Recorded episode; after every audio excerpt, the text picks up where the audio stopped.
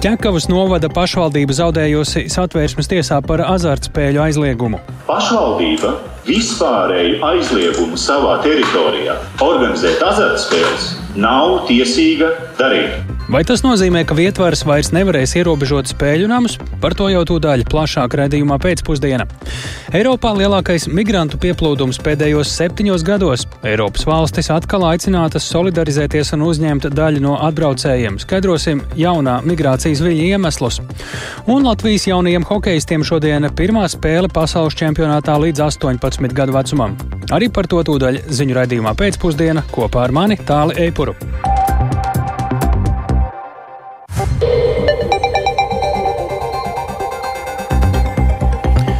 Pūkstens ir 16,5 minūtes, skan Latvijas radio pēcpusdienas ziņu programma, skaidrojot šodienas svarīgus notikumus. Studijā Tāls Eipurs. Labdien!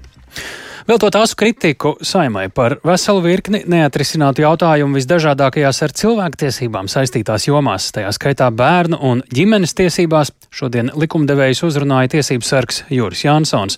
Viņš iepazīstināja ar pagājušā gada darbības pārskatu. Ziņojumam sekoja kaismīgas debatas, plašāk Zana Seniņas ierakstā. Vēl pirms ķerties pie ziņojuma par tiesību sarga darbību 2022. gadā, Juris Jansons atgādināja saimnes deputātiem, ka janvārī nosūtīs viņiem vēstuli par neatliekami risināmiem jautājumiem, kas saņemti mantojumā no 13. saimas, kā iepriekšējā sasaukumā nepaveikti darbi cilvēktiesību un labas pārvaldības jomā. Turpina Juris Jansons. Diemžēl no jums, cienījamie saimnes deputāti, līdz šim neesam saņēmuši nekādu atbildes reakciju par vēstulē norādītajiem jautājumiem. Jāatgādina, ka šajā vēstulē tiesības sargs uzskaitīs 11 neatliekamus uzlabojumus tiesiskajā regulējumā, kurus līdz šim deputāti vilcinājušies veikt. Tāpēc tiesības sargs pauda viedokli, ka jāgroza saimas kārtības rullis, lai deputātus pasteidzinātu. Uzskatu, ka saimas kārtības rullī jāveic grozījumi un jānosaka termiņi, kādā komisija ir uzsākama likuma projekta skatīšana. Kā arī bērnu labāko interesu kā prioritātes noteikšanu. Arī tiem likumprojektiem, kas netieši var skart bērnu vai bērnu tiesības. Viens no šādiem ar bērnu tiesībām gan tieši, gan netieši saistīts tiesību akts, kur jau janvārī tiesības sargs mudināja ratificēt, ir Stambulas konvencija.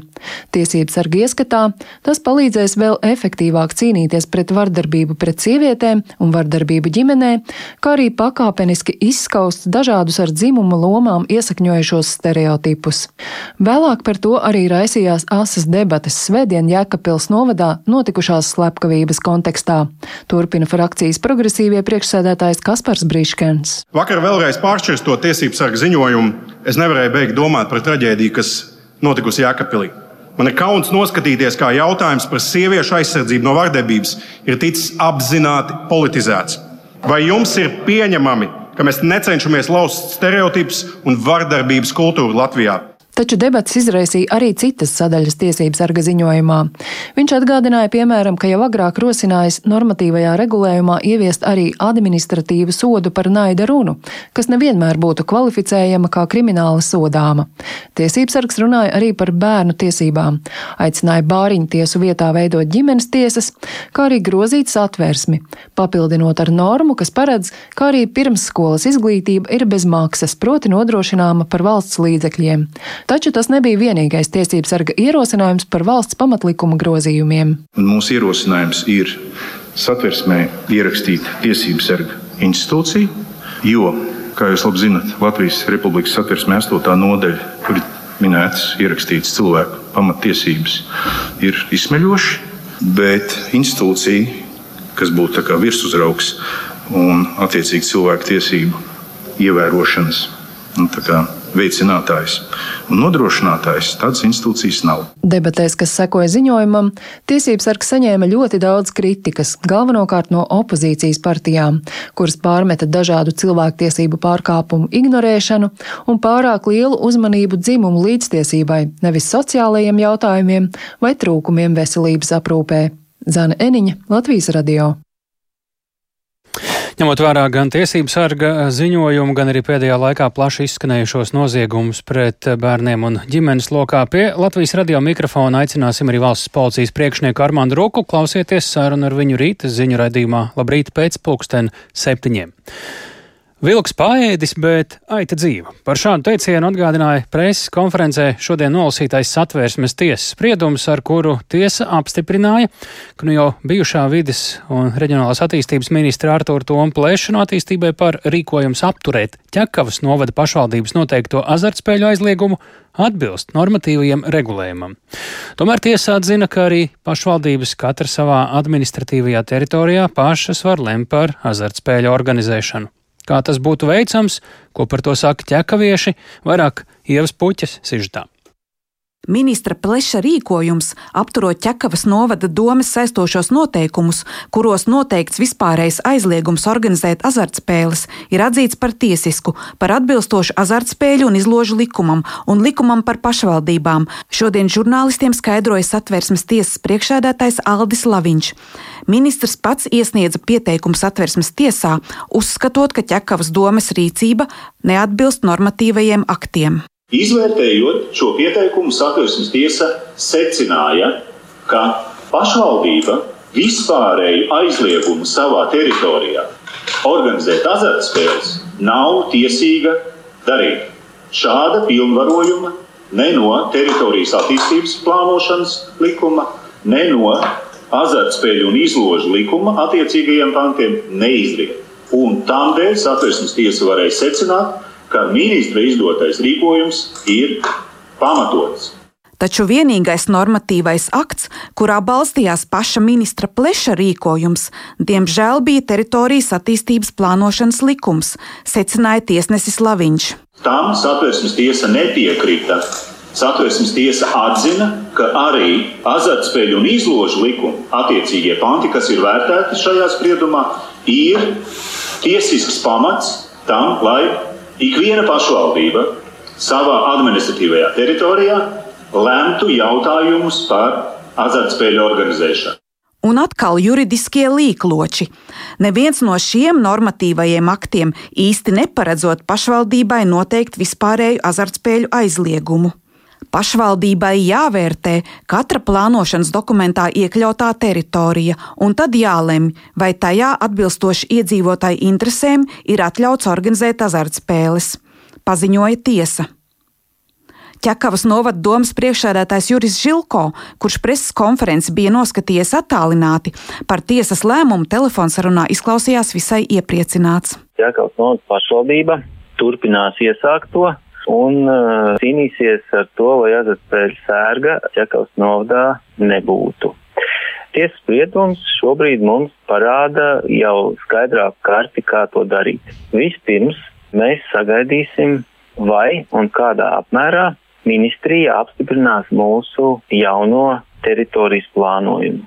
Un, ja šis teritorijas plānojums tiks apstiprināts pilnā apmērā, tad visdrīzāk šodien pasludinātais satversmes tiesas spriedums mūsu situāciju īsti nekā neietekmē. Ja jaunais plānojums netiks apstiprināts, tad pašvaldība būšot spiesta iet tiesas ierādītā skrupulozā pamatojuma ceļu, un katrai teritorijai, baldonei, ķekavā un baložiem, kur zonējums pieļauj komercdarbību, tostarp azartspēļu organizēšanu, pamatot, kāpēc tur to nevar darīt. Tas pašvaldībai varētu maksāt 15 līdz 20 tūkstošus eiro. Jau šobrīd norisinās tiesvedība, kur pašvaldība lūdz slēgt novada vienīgo spēļu zāli Fēniks, kas atrodas ķekavā pretī baznīcai un netālu no skolas. Ķekavas, piemēram, cenšoties izskaut spēļu elles, sako Ādaži un Salaspils. Interesi izrādījusi arī Daugopils. Ieva Puķe, Latvijas radio. Lūk, šāds stāsts eh, šodien no satvērsmes tiesas, bet šobrīd pie mūsu klausulis Latvijas Spēļu biznesa asociācijas prezidents Ārnis Vērzemnieks. Labdien! Labdien!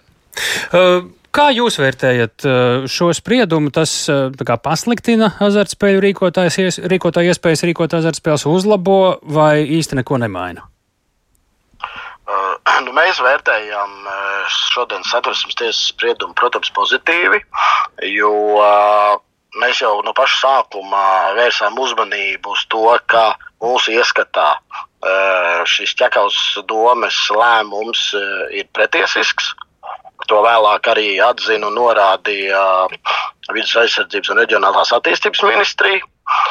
Un šodien to pašu arī atzina satversmes tiesa, ka šis lēmums ir bijis pretiesisks. Līdz ar to nu, mēs, prie, mēs esam gandarīti, ka tiesiskums šai valstī tomēr pastāv. Un, nu, satversmes tiesa arī ļoti skaidri, arī nu, vēlāk savā skaidrojumā norādīja, ka nu, likumi ir jāievēro visiem. Nu, vienlaikus tiesa atzina, ka pašvaldības katra savā administratīvajā teritorijā pašas var lemt par azartspēļu organizēšanu. Kā jūs šo tulkotu? Nekas pēc būtības nemainās, vai kā? Nē, bet tas jau ir ierakstīts likumā. Un mēs jau nekad neesam bijuši pret to, ka pašvaldībām varētu būt tiesības mm. kaut ko lemt. Mēs vēlamies, lai tas ir tiesiski pirmām kārtām. Un otrām kārtām, nu, lai tas ir samērīgi, ko arī satversmes tiesa vienmēr ir norādījusi, piemēram, iepriekš arī spriedumā. Uh, tad jau viss ir kārtībā. Mm. Mēs neesam pret to, ka pašvaldībām būtu kaut kādas tiesības. Tas ir kaut kāds mīts radies. Nesen līdzīgs, nosacīt līdzīgs, bet attiecībā uz azartspēlēm vai ar tām saistītas satversmes tiesas spriedums bija par azartspēļu biznesu Rīgā. Tobrīd minējāt, ka uzņēmēji varētu vērsties satversmes tiesā. Tas joprojām ir aktuāli. Es domāju, ka tas joprojām ir aktuāli. Tur vēl nu, laiks līdz, līdz pēdējiem nu, teiksim, datumam, kad ir iespēja vērsties satversmes tiesā. Nu, tur ir vēl laiks, līdz ar to uzņēmēji vēl vērtē, bet es pieņemu, ka nu, redzot šo satversmes tiesas spriedumu, uh, iespējams, ka tas dos kaut kādus vēl papildus uh, argumentus, uh, uh, nu, iz, izdarīt šo izvēli, vai tad vērsties vai nevērsties satversmes tiesā attiecībā par Rīgu. Lielas paldies par sarunu. To mēs sakām Arnim Vērzemniekam, Latvijas spēļu biznesa asociācijas prezidentam. Pie mūsu otras klausulas šobrīd ir Latvijas pašvaldības savienības padomniece juridiskajos jautājumos Kristīna Kīņša. Labdien! Labdien!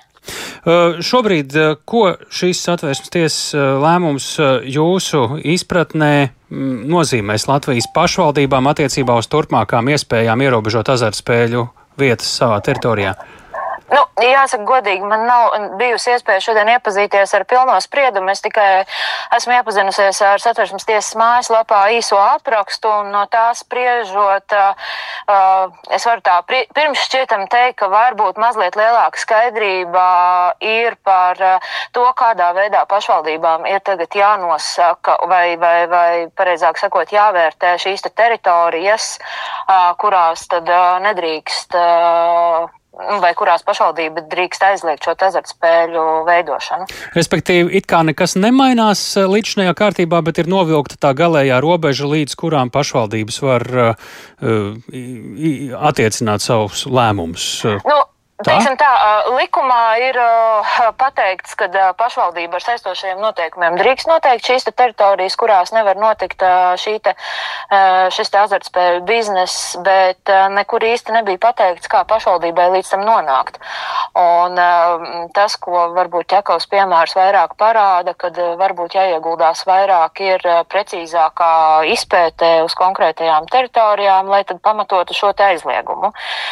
Nu, tas, tas tā pievienotā vērtība šim spriedumam ir, ir tieši uz to, ka pašvaldībām ir rūpīgāk jāvērtē, kuros, kurās teritorijās aizliegt, kurās nē. Vai pašvaldības, kuras to varētu vēl tīri politiski vēlēties, vai tām būs iespēja kaut kā citādi atšķirībā no ķekavas, atšķirīgā veidā, pilnībā liekt azartspēļu rīkošanu savā teritorijā, vai šis spriedums faktiski šādu iespēju izslēdz? Nu, kā jau minēju, es nevaru atbildēt uz šo jautājumu, kamēr es neesmu iepazinusies ar pilnu, pilnu tiesas spriedumu. Labi. Uh, Pilnīgi korekti atbild, ņemot vērā, cik nesen šis spriedums arī ir pieņemts. Jā. Lielas paldies par sarunu. Kristīna Kīņča, Jā. Latvijas pašvaldības savienības padomniece juridiskajos jautājumos.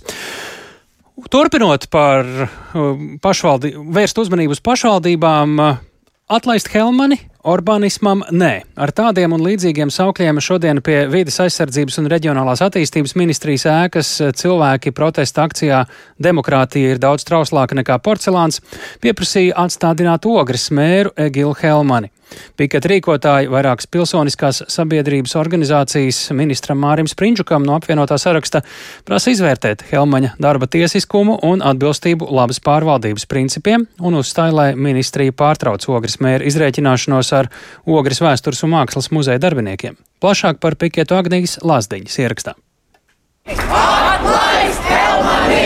Atlaist Helmani! Atlaist Helmani! Vairāk nekā simts cilvēku ar plakātiem, uz kuriem lasāmi tādi uzraksti kā muzeja mobbingam nē un varam vai nevaram, šodien piketēja pie vides aizsardzības un reģionālās attīstības ministrijas ēkas, pieprasot atstādināt no amata Ogres novada domas priekšsēdētāju Egilu Helmani saistībā ar konfliktu, kas izveidojies starp Ogres pašvaldības un Ogres vēstures un mākslas muzeju. Piketa dalībnieki uzsver, notiekošais nav stāsts tikai par ogri. Es esmu ieradies, lai vienkārši atbalstītu Ogres muzeju muzeja direktori, kur ir apklusināti. Man vienkārši satrauc tas, eh, ko Ogres eh, novada mērs atļaujās eh, demokrātiskā Latvijas valstī, pašvaldībā. Es esmu šodien šeit ieradusies, lai aizstāvētu pamatvērtības un mākslas brīvības tiesības. Nu, es esmu ieradies ar Ungārijas karogu mazliet provokatīvi šeit, jo man tas notiekošais ogrē bišķi atgādina Ungāriju, ka notiek izrēķināšanās ar tiem, kas nepiekrīt varai. Viss šī draudzēšanās ar Krieviju, ar Krievijas oligarhiem, tas nav, manuprāt, demokrātijas cienīgi.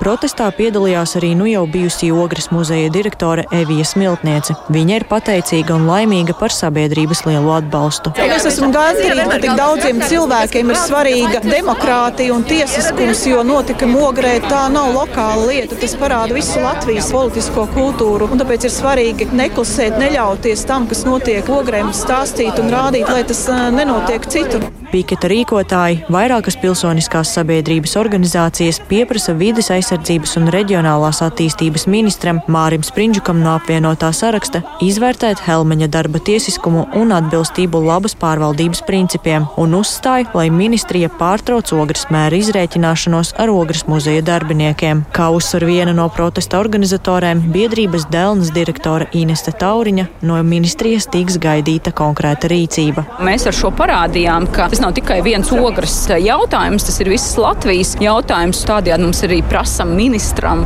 atbildību par nelikumīgu beztiesiskumu pārtraukšanu ogres pašvaldībā. Demokrātija nav viena diena. Četros gados mums ir uh, katru dienu jābūt aktīviem, jāizstāv vērtības. Piketa dalībniekus uzrunāja arī pats ministrs Māris Sprindžuks. Viņš uzsvēra, ka protests un arī visa radusies situācija ir stāsts par demokrātiju un par varu un līdzsvara noturēšanu Latvijā. Ministrs ir parakstījis darbu uzdevumu, kurā pieprasa Ogres novada pašvaldībai līdz 30. aprīlim sniegt paskaidrojumu par Ogres novada muzeja direktoras Evijas Smiltnieces un muzeja galvenā vēsturnieka Arno Smiltnieka atstādināšanu no amata. Mēs esam tiesiski valsts Mēs arī nevaram iet tādā veidā, kā tas tika darīts iepriekš ar Rīgas teritorijas plānojumu, ka varam ministram ir vara, un tad es uh, valku ārā pātegu. Tātad, lai ko mēs darītu, mums jārīkojas arī tiesiski. Kad ministrs saņems atbildi no Ogres novada pašvaldības, tad izvērtēs situāciju un iepazīstinās ar to arī ministru prezidentu un valdību. Agnija Lazdiņa, Latvijas radio. Tikmēr Saimas frakcijas progresīvie vadītājs Kaspars Brīškens izskatīšanai Saimas pieprasījuma komisijā nodevis pieprasījumu vidas aizsardzības un reģionālas attīstības ministram izvērtēt Helmaņa darbību atbilstoši pašvaldību likumam. Brīškens arī Saimas sēdē mudināja pilnveidot pašvaldību likuma 69. pantu, lai paplašinātu ministra iespējas ar motivētu rīkojumu atstādināt domas priekšsēdētāju. Mums jau īpaši tagad un bez izņēmumiem ir jāsargā savu demokrātiju no maziem cariem un viņu kaprīzēm. Un tāpēc uzdod jautājumu Springļu kungam. Pašvaldības likums nedrīkst kalpot kā vairogs visatļautības un mīkstā despotismu piesakšanai. Pašvaldības vadītājiem ir jārāda piemērs sabiedrībai, ievērojot un sargājot mūsu satversmē noteiktās brīvības. Pašvaldību vadītājiem ir jārāda piemērs sabiedrībai, neapciemojot Krievijas oligarhus viņu mūžās un pašvaldību vadītājiem ir jābūt spējīgiem atzīt savas kļūdas bez nekrietnas izreikināšanās ar kultūras darbiniekiem. Un tāpēc es vēlreiz jautāju Springļu kungam, pirmkārt, kādas darbības ir veiktas, lai izvērtētu Egila Helmaņa rīcības tiesiskumu un atbilstību labai pārvaldībai. Varbūt šo likumu ir nepieciešams grozīt mums visiem kopīgi, lai dotu ministram lielākas pilnvaras demokrātiskās realitātes sajūtas zaudējušu vietvalžu laicīgai atstādināšanai. Tā kas par Brīškens atbilstoši procedūrai izskatot šādu progresīvo frakcijas pieprasījumu saimas komisijai būs jāorganizē sēdi par pašvaldībām atbildīgā ministra Māra Sprindžuka piedalīšanos. Grozījums likumos, kas dienesta vajadzībām paredzēto informāciju padarīs par valsts noslēpumu, saimā šodien ir tie pieņemti galīgajā lasījumā. Žurnālistu asociācijas celto iebildumu dēļ likuma projektā pēdējā brīdī ir iekļauta iespēja vērsties tiesā, ja saņemts atteikums izsniegt kādu informāciju. Par to mums šobrīd gatavs vairāk pastāstīt kolēģis Jānis Kīns, no, kas, kas ir sekojis līdz šai saimnes sēdē. Sveiks, Jāni! Sveiks, tēls, sveicināti klausītāji! Es atgādināšu, ka gana plašu publicitāti guvušie likuma grozījumi paredz, ka iestādes vadītājs varēs noteikt informāciju, kas saistīta ar attiecīgas iestādes funkciju izpildu un paredzēta tikai dienesta vajadzībām. Tas attiektos uz situācijām, kad šādas informācijas nozaudēšana vai izpaušana pēc iestādes vadītāja domām varētu apdraudēt valsts vai šīs pašas iestādes intereses un drošību. Tā pamatot likuma grozījumi. Līdz šim spēkā esošā kārtība paredz, ka valsts noslēpumu klasificē kā sevišķu slepenu informāciju, slepenu informāciju un un konfidenciālu informāciju. Un tagad šo sadalījumu līdz ar šiem likuma grozījumiem papildinās ar vēl vienu iedaļu informācija dienesta vajadzībām. Kā jau plaši izskanējuši šie likuma grozījumi un to steidzamība raisīja Latvijas žurnālistu asociācijas sabiedrības par atklātību dēlna un citu nevalstisko organizāciju iebildumus, ka ka tie varētu uh, radīt šķēršļus mediju darbā. Pēc šo bažu publiskas paušanas likumu par valsts noslēpumu grozījumus papildināja ar iespēju apstrīdēt tiesā atteikumu saņemt šādu informāciju dienesta vajadzībām. Tiesai šādos gadījumos būs jāizvērtē informācijas klasifikācijas un atteikuma pamatojums. Un vēl šie likuma grozījumi paredzēs arī papildu nosacījumu pieejas valsts noslēpumam izsniegšanā. Saimas Nacionālās drošības komisijas vadītājs Jānis Dombrava, kurš pārstāv Nacionālo apvienību, Saimas sēdē raksturoja, ka līdz šim slepenai informācijai varēja piekļūt arī tādas personas, kurām atbilstoši likumam nebija formāli iemesli šo piekļuvi nesaņemt. Paklausīsimies Dombravas teikto jau pēc balsojuma saimā. Pieņemot šos grozījumus, likums tiek papildināts ar normu, ka piekļuvu valsts noslēpumam nevarēs iegūt persona, par kuru pārbaudas gaitā ir konstatēti fakti, kas dod pamatu uzskatīt, ka speciālās atļaujas izsniegšana neatbilst nacionālās drošības interesēm. Līdzīgs regulējums jau šobrīd pastāv likumdošanā, kas paredz, ka, piemēram, vīzas vai uzturēšanās atļaujas var nepiešķirt, ja ir pamats uzskatīt, ka persona rada draudus valsts drošības interesēm. Ir pamats uzskatīt, ka pieņemtie likuma grozījumi stiprinās mūsu valsti, jo aizvērs vienu robu, pa kuru sensitīva informācija varēja nokļūt pie Latvijai naidīgas valsts. Un noslēgumā vēl piebildīšu, ka šos likuma grozījumus galīgajā lasījumā deputāti pavadīja bez garām debatēm, un balsojumi bija teju vienbalsīgi. Tāli. Paldies, Jāni! Tātad šodien saimā šie likuma grozījumi ir gūši apstiprinājumu, bet gada sākumā Eiropa ir pieredzējusi lielāko migrantu pieplūdumu pēdējo septiņu gadu laikā, un Latvijas jaunajiem hokeistiem šodien pirmā spēle pasaules čempionātā līdz 18 gadu vecumam šie un citi stāsti raidījumā pēcpusdienā turpmākajās minūtēs.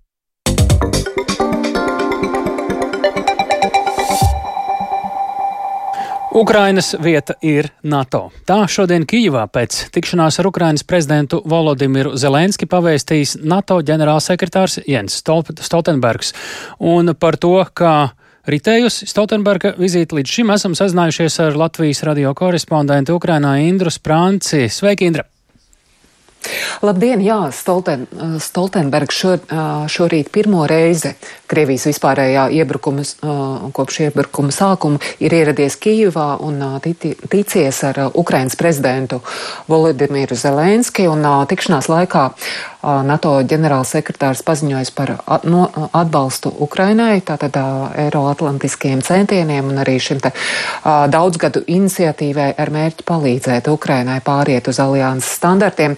Stoltenbergs stingri iezīmēja, ka Ukrainas vieta ir NATO Un šodien kopā ar Zelenski apspriests arī tas ceļš, tā ceļa karta, kā tas varētu turpmāk notikt un uh, kā valstis varētu palīdzēt Ukrainai pāriet no padomju ieročiem, doktrīnām uz NATO standartiem un nodrošināt pilnīgu šo NATO un Ukrainas armiju savietojamību. Uh, savukārt Zelenskis šodien pēc tikšanās norādīja, ka Stoltenberga vizīte apliecina NATO gatavību uzšķirt jaunu lapas pusi Ukrainas un NATO attiecībās.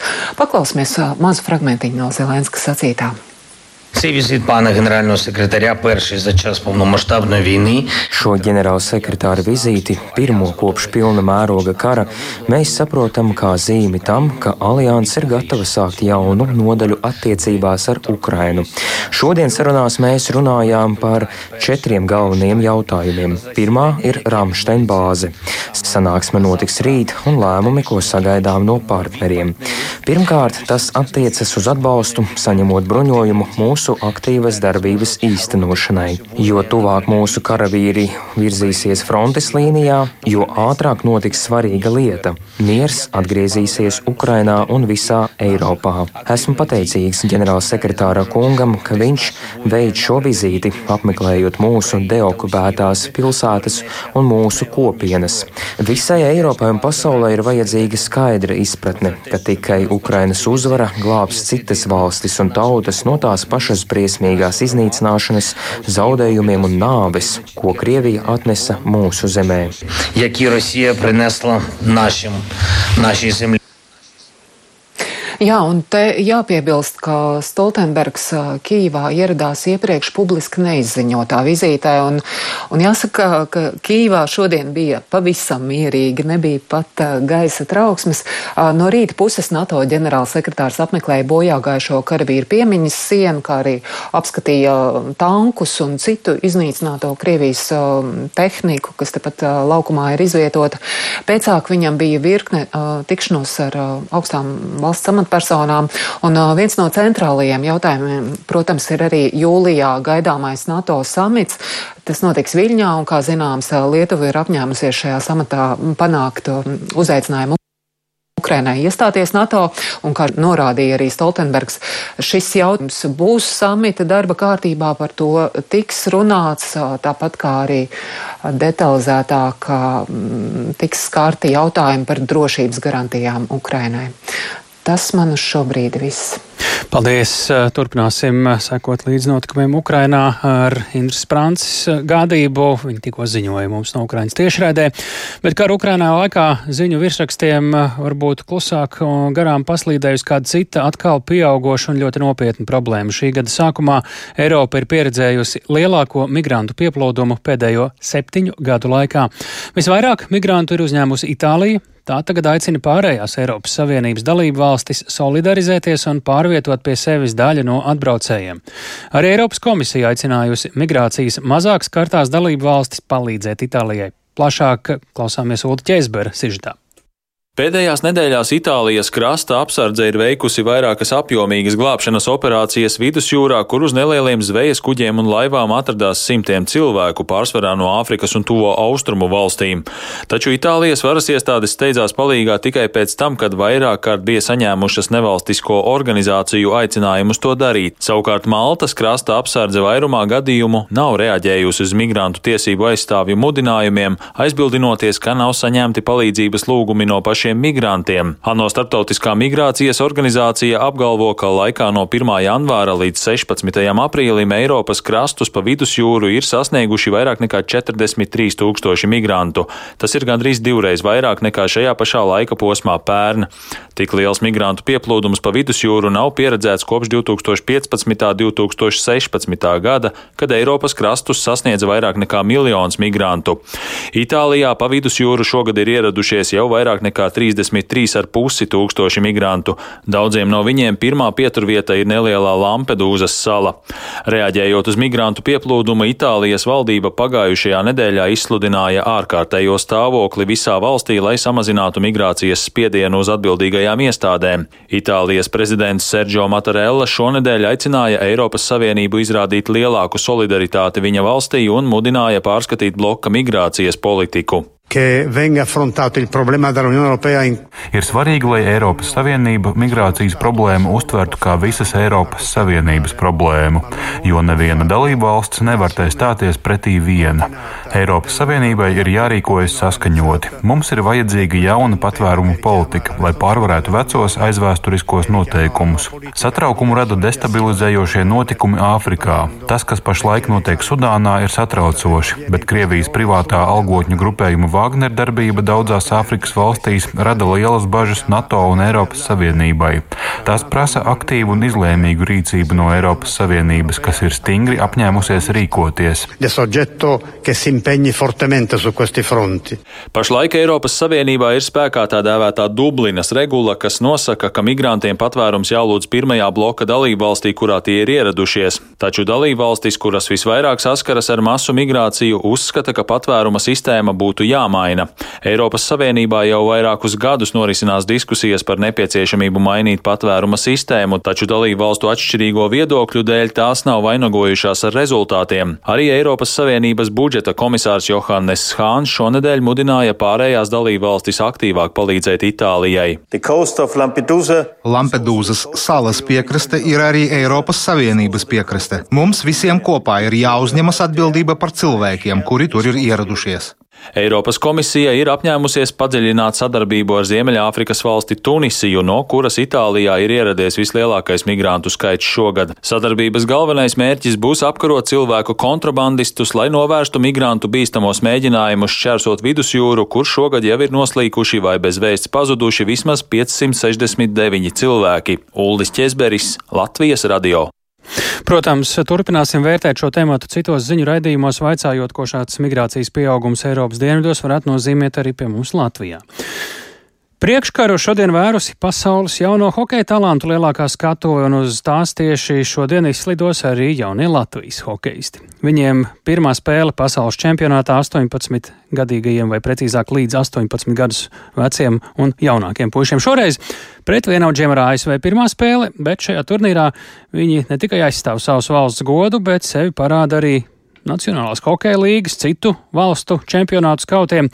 Bieži tieši šajā čempionātā labi nospēlējot hokeists iekrīt acīs arī spēcīgāko līgu speciālistiem. Latvijas hokeistiem pirmā spēle sāksies jau pēc aptuveni 20 minūtēm, un tieši tāpēc mūsu studijā arī kolēģis Mārtiņš Kļavinieks. Sveiks, Mārtiņ! Sveiks, tālāk, sveicināti klausītāji! Ko mēs varam teikt, ja runājam tieši par sportisko, par čempionātu pusi, kādas mēs varētu vērtēt uh, Latvijas komandas izredzes. Nu, sāksim ar pirmo maču, pēc tam par turnīru. Amerikāņu jaunieši pretī tur droši vien uh, speciālistiem jau daudz uzvārdi, kuri jau ir NHL skautu blociņos un visticamāk kādreiz arī spēlēs NHL. Ko par šo spēli pirmo varam pateikt? Jā, nu tāds labs izaicinājums pirmajā mačā. Pirmkārt, jau vēsture, ja pret šo komandu atceramies pagājušā gada turnīru, arī pasaules čempionāta 18-gadīgiem un jaunākiem. Tur 3 pret 13. Cerības bija labas, ka varētu būt interesanti, jo atceramies, ka pagājušajā gadā Latvija sāka ar, ar pret pasaules čempioniem, čempioniem Zviedriem šo turnīru un uzvarēja. Tad vēl ne čempions, bet pēc tam Zviedri kļuva par čempioniem, un nu, tad bija tāda laba sajūta, ka arī pret amerikāņiem tajā turnīrā varētu būt labi. Nu, pret to konkrēto gada gājumu nesanāca. Bet eh, nu, pirmā spēle nu, ar amerikāņiem vienmēr jau tā visos līmeņos ir, ka nu, varbūt ka komanda, kas Amerikā šajā gadījumā tēmē uz visaugstākiem rezultātiem, kas ir zelta medaļas, to pirmo spēli varbūt neuztver tik ļoti, mm, saka, nopietni un var kaut kā pārsteigt. Galvenais ir jābūt koncentrētiem pašiem. Tā kā nu, tādu apmēram um, komentāru ieskicēja arī Latvijas hokeja, um, junior hokeja izlases galvenais treneris Oļegs Sorokins. Nu, varam arī drusku paklausīties, ko viņš saka. Nopietna darba priekšvakarā esam. Un, uh, skaidrs, ka pagājušais gads nebija baigi veiksmīgs. Tieši spēlē ar Ameriku. Un, uh, pasaule zina, ka Amerika mūsu šajā vecumā ir principā, nu, labākā komanda. Jā, 18 vecumā labākā komanda pasaulē visdrīzāk. Pagājušajā gadā mēs spēlējām ar pasaules čempioniem pirmajā spēlē un uzvarējām jā, ar, ar Zviedriem. Šogad arī gribētu cerēt, ka mums tā pirmā spēle būs gana laba un mēs varēsim parādīt sev no vislabākās puses. Mēģināsim spēlēt hokeju. Tomēr mūsu puišiem ir, domāju, daudziem gribās sev apliecināt, kā viņi spēj spēlēt pret teiksim, tā, labāko uz doto brīdi, drīzāk no labākos vai labākajiem spēlētājiem pasaulē. Lūk, treneris Rokins saka, ka uh, šajā vecumā amerikāņi parasti ir stiprākie. Tas nozīmē, ka pa vecuma grupām nedaudz varbūt tie spēku samēri mainās vai izlīdzinās, vai tieši otrādi. Kā tur ir, kur parasti mūsējiem ir gājis labāko 18, 20 čempionātos Pēdējos gados jāsaka tā, ka ļoti atzīstami iet gan 18, gan 20, mm. bet laikam maķinī tomēr labāk tieši konkrētajā šajā 18 gadnieku izlašu vecumā, un tas, protams, saistīts ar to, ka Latvijā nav tāda pilnvērtīga hokeja piramīda, kur tad šiem 18 gadniekiem pēc šī jauniešu vecuma pāriet junioros un varbūt arī jau pieaugušo līmenī. Nu, zinām, kāds ir Latvijas hokeja čempionāts vietējā līga, un arī Jā. nav tādu komandu, kur to darīt. Līdz ar to, tad, kad šie amerikāņi sasniedz 20 gadu vecumu, viņiem ir nobriedušāki, daži spēlēja NHL, citi kolēģi koledžās, citi kaut kur vēl eh, kādās junior līgās ir eh, vecākie spēlētāji. Tur tā starpība parādās, bet šajā vecumā mēs ļoti labi varam cīnīties. Un sistēma, kas pēdējos gados strādā ļoti labi, ir pierādījusi sev darbībā, ir tas, ka vairums Latvijas um, izlases spēlētāju šajā vecumā ikdienā jau spēlē vienā komandā, Latvijas hokeja čempionātā pie pieaugušiem hokeja skolas Rīga formās. Un to komandu arī trenē Oļegs Rokins mm. un uh, Juris Ozols, uh, tāpat kā šo izlasi. Vēl viņam palīdz arī Herberts Vasiljovs darbā ar valsts vienību. Nu, un tad, acīm redzot, šāds modelis šajā vecumā ļoti labi strādā. Kas, protams, amerikāņiem nav iespējams iespējams uh, saspēlēties nu, tā kā it īpaši pirmajā spēlē. Kāda vēl pretinieki ir Latvijas izlasē apakšgrupā un ko tas līdz ar to automātiski nozīmē par mūsu izredzēm uh, vispār turnīra gaitā? Jā, atgādināšu, ka pieaugušo pasaules čempionātā spēlē 16 labākās izlases Jā. pasaulē jauniešiem un junioriem mazāk desmit. Tātad arī šeit jauniešiem desmit. Tātad šodien Latvija ASV jau piecos, Latvija Somija jau rīt, jā, divas dienas pēc kārtas, tad neliela atpūta, svētdien mačs pret Šveici un tad atkal jau pirmdien Norvēģija pretiniekos. Tā kā pietiekam nopietni sāncenši lai tiktu tālāk ceturdaļfinālā. Tas ir arī galvenais mērķis, jā, jo ah. nu, primārais varētu pat teikt. Protams, primārais ir palikt šajā labāko sabiedrībā, desmitniekā, jo divas komandas ik gadu mainās.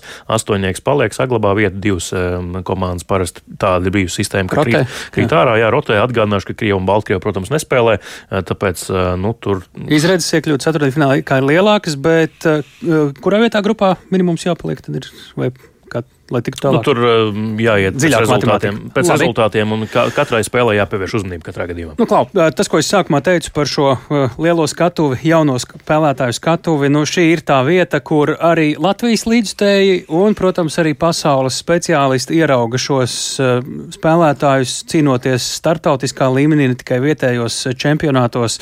Nu, kuriem spēlētājiem tad no Latvijas, un varbūt arī, ja tev ir uh, no, no pasaules, uh, mēs ieraudzīsim to uzvārdu spožāk, iemirdamies, uh, par ko varētu būt runa. Tagad var tikai prognozēt. Cerēt. Protams, jā, mēs nevaram zināt, kurš no viņiem tiešām izaugs par profesionāli un nu, kuram varbūt labāk iet šobrīd, varbūt viņš vēlāk viņam apnīk hokeja. Bet vismaz šajā nespēlē. čempionātā? Bet šajā čempionātā noteikti pievērsiet uzmanību. Nu, piemēram, ir vārdsargs Aksels Ozols, kas spēlēs Latvijas um, jauniešu izlasē arī pieaugušo izlasē jau debitējis pavisam nesen pārbaudas spēlē pret Poliju. Um, iespējams, ka tur viņi arī redzējāt televīzijas ekrānos vai klātienē. Tāpat uzbrucēji Ēriks Mateiko, Dāvids Livšits, arī aizsargs Haris Čūns, kas noteikti ir tie uzvārdi, ko var izcelt, bet nu, skaidrs jāatgādina, ka tomēr nu, primāri šeit uh, tomēr uh, tādu šādu jauniešu junioru hokeja izlašu uzdevums ir izaudzināt uh, nākamos izlašu kandidātus, bet ne visiem pilnībā pārtap par profesionāļiem nākotnē. Daudz no viņiem būs labi cilvēki, tēvi un, un tā tā tālāk. Ir īpaši šādā vecumā. Jā. jā. Tur arī tāds tā tēva loma arī treneriem ir. Nu, no pasaules spēlētājiem ja tieši pieskaramies jā. šodienas pretiniekiem. ASV izlasēji, jā, tur noteikti jaunās Nacionālās hokeja līgas zvaigznes. Um, daudziem uh, no viņiem paredz uh, izvēlēšanos jau Nacionālās hokeja līgas drafta pirmajā kārtā, tātad pirmajā 32. Mm, un, uh, nu jā, tur uh, noteikti tāds vārds un uzvārds kā Vils Smits. Nu, zinām, tādu aktieru vai ne? Bet šeit arī hokejists Vils Smits. Viņam paredz tikt izvēlētam drafta pirmajā kārtā ar piekto 5. vai 6. numuru. Tas ir ļoti augstu. Ļoti augstu. Un vēl arī trīs, trīs uzbrucēji - Olivers Mūrs, Gēbs Perro un Rains Lenards. Arī viņiem paredz izvēli NHL drafta pirmajā kārtā. Tas kā, tikai no amerikāņiem. Tas tikai no amerikāņiem. Un tālāk, protams, vēl arī somi, šveicieši, Zviedri, arī norvēģi, protams. Kanādieši, protams. Jā, jā, jā. Tā ir skaitā. Otrā grupā arī jā, zviedri un kanādieši. Jā, starp citu, tieši šobrīd. Um, ja tu vaicāsi, vai šī ir pirmā spēle čempionātā, nē, šobrīd ir pati pirmā čempionāta spēle kanādieši pret zviedriem spēlē. Nu, bet, ja kurā gadījumā 5-0 ir vadībā šobrīd. Uh, wow, wow. Kas ir pārsteigums? Uh, paldies, Mārtiņ. Uh, šis uh, ir brīdis, kad hokeja pavasars ir ielicis jau nākamajā ātrumā. Tieši uh, Latvijas gadījumā tas būs nu jau mazāk nekā pēc 20 minūtēm. Pavisam noteikti mēs turam īkšķus par mūsu līdz 18 gadu vecumam jauniešiem uz hokeja ledus. Bet līdz ar to raidījums pēcpusdiena izskan šajā dienā. Mums vēl viena darba diena priekšā, tad rīt arī tiksimies. Šo raidījumu veidojām mēs, Tālis Eipurs, Ilzi Agīnta, arī Uldis Grīmbergs, Kārlis Rašmanis. Un, protams, klausieties eh, raidījumu pēcpusdienu, arī citus ziņu raidījumus. Eh, meklējiet Latvijas radio mobilajā lietotnē dienas ziņas, arī Latvijas radio arhīvā, protams, to visu var atrast, un mēs tiekamies rīt.